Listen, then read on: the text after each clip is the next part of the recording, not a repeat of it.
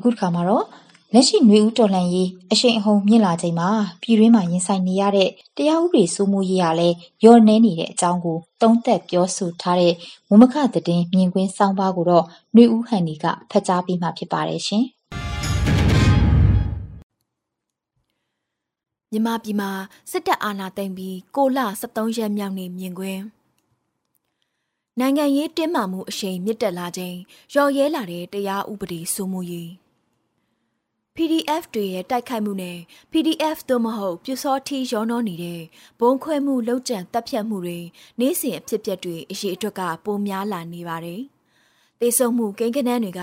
တစ်ဖက်နဲ့တစ်ဖက်ပူပူတတခံမှန်းပြောဆိုမှုတွေရှိနေသည့်တိုင်တလနဲ့တလ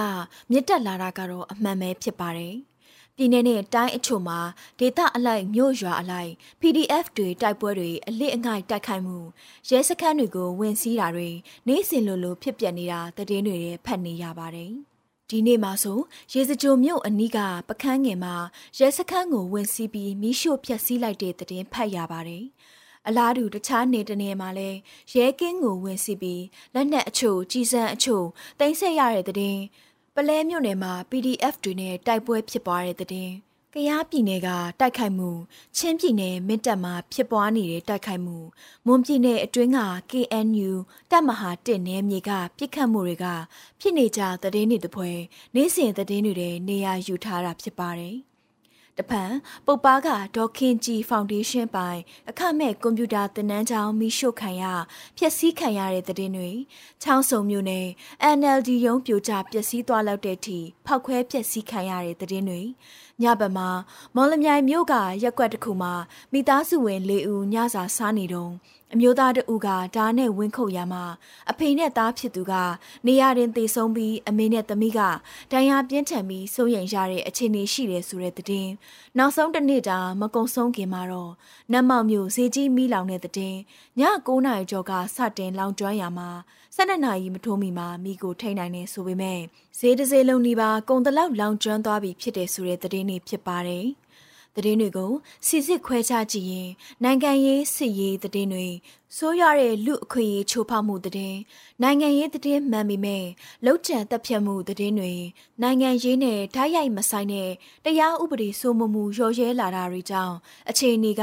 ရာဇဝတ်မှုတွေကျူးလွန်မှုပိုလွယ်ကူလာတဲ့အဖြစ်အပျက်တွေကိုခွဲခြားတွေ့ရှိရပါတယ်လက်နက်ကိုင်း PDF တွေတိုက်ခိုက်တဲ့သတင်းတွေကစီရေးသတင်းလို့ဆိုရမှာဖြစ်ပါတယ်။ ရဲကင်းတွေဝင်တိုက်တာရဲစခန်းတွေကိုဝင်စီတာစစ်ရင်တန်းကိုမိုင်းဆွဲတိုက်ခိုက်တာတွေကစစ်ရေးသတင်းတွေလို့ဆိုနိုင်မှာဖြစ်ပါတယ်။ အလားတူတစ်ဖက်မှာလည်းစစ်ကောင်စီတပ်တွေက PDF လို့တန်တရားရှိသူသို့မဟုတ်သူတို့ကိုစန့်ကျင်တိုက်ခိုက်နေတဲ့ဒေသကရွာတွေကိုဝင်ပြီးအမျိုးသားတွေဆိုရင် PDF လို့တန်တရားနဲ့ဖမ်းဆီးရိုက်နှက်အသက်သေဆုံးတဲ့အထိရိုက်နှက်ကြတဲ့သတင်းတွေလည်းနိုင်ငံရေးစစ်ရေးနဲ့ဆိုးရွားတဲ့လူအခွင့်အရေးချိုးဖောက်မှုတွေသတင်းတွေလိုသတ်မှတ်ရမယ်ထင်ပါတယ်။နောက်သတင်းအုပ်စုတစ်ခုကတော့လောက်ကျန်တပ်ဖြတ်မှုသတင်းတွေဖြစ်ပါတယ်။ တည်င်းလို့တန်တရားရှိသူတွေကိုတတ်နှက်နဲ့ပြစ်ခတ်လှုပ်ကြံတပ်ဖြတ်တဲ့တည်င်းတွေအချို့သောကြေးရွာတွေမှာဓာတ်နဲ့ခုံတပ်ဖြတ်တာတွေဘုံနဲ့အိမ်ကိုပစ်တာတွေကနေ့စဉ်တည်င်းတွေတဲ့အရေးအတွက်အများဆုံးဖြစ်မယ်ထင်ပါတယ်ဒီအဖြစ်အပျက်တွေမှာတေဆုံးသူရဲ့အမည်နဲ့အလုတ်ကိုင်းဘယ်နိုင်ငံရေးအုပ်စုကိုထောက်ခံနေဆိုတာမျိုးပါဝင်လေးရှိပေမဲ့ဘယ်သူဘယ်ဝါကလှုပ်တယ်ဘယ်အဖွဲ့ကလှုပ်တယ်ဆိုတာမျိုးမသိရှိနိုင်တာများပါတယ်။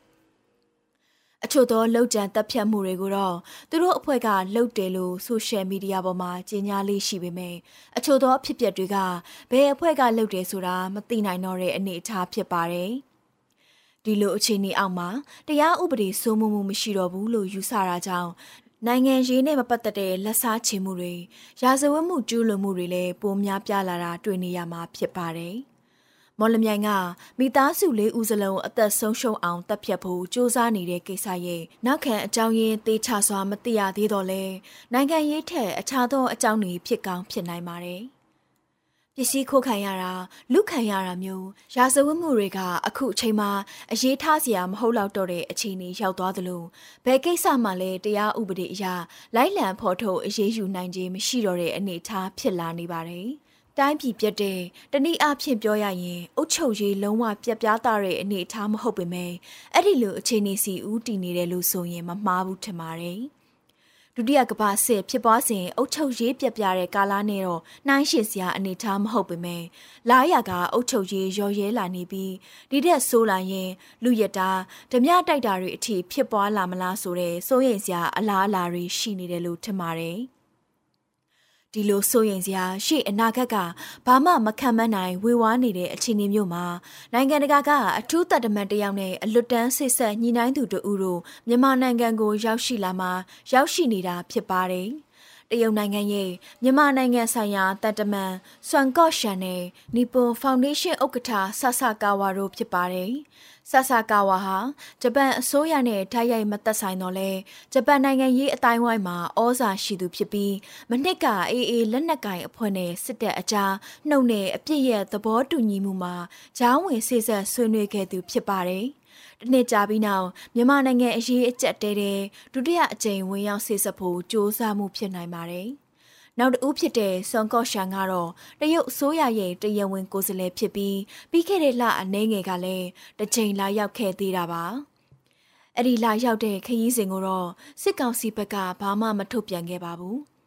အာဆီယံအထူးကိုယ်စားလှယ်မလာရောက်နိုင်တဲ့အခြေအနေနိုင်ငံမှာလက်နက်ကင်ပဋိပက္ခတွေကျဲပြန့်လာနေချိန်တရားဥပဒေစိုးမိုးမှုရော်ရဲလာနေတဲ့အခုလိုအချိန်မှာနိုင်ငံတကာကတန်တမန်တွေလာရောက်ကြတဲ့သဘောဖြစ်ပြီးဘလို့ရလက်ထွက်ပေါ်လာမလဲဆိုတာတော့အဆုံးဖြတ်ပေးနိုင်သူတွေကသူတို့အကျိုးစီးပွားကိုသာဦးစားပေးကြမှာလားနိုင်ငံတစ်ခုလုံးပြည်တွင်းစစ်အုပ်ချုပ်ရေးပြပြပြီးစစ်ဘေးအငတ်ဘေးယောဂဘေးရင်ဆိုင်ကြရတဲ့အခြေအနေထိစဉ်သက်ကြမှာလားဆိုတာတော့မသိနိုင်သေးတဲ့အခြေအနေဖြစ်ပါတယ်ဆိုတဲ့အကြောင်းတင်ဆက်ပေးလိုက်ရပါတယ်ရှင်။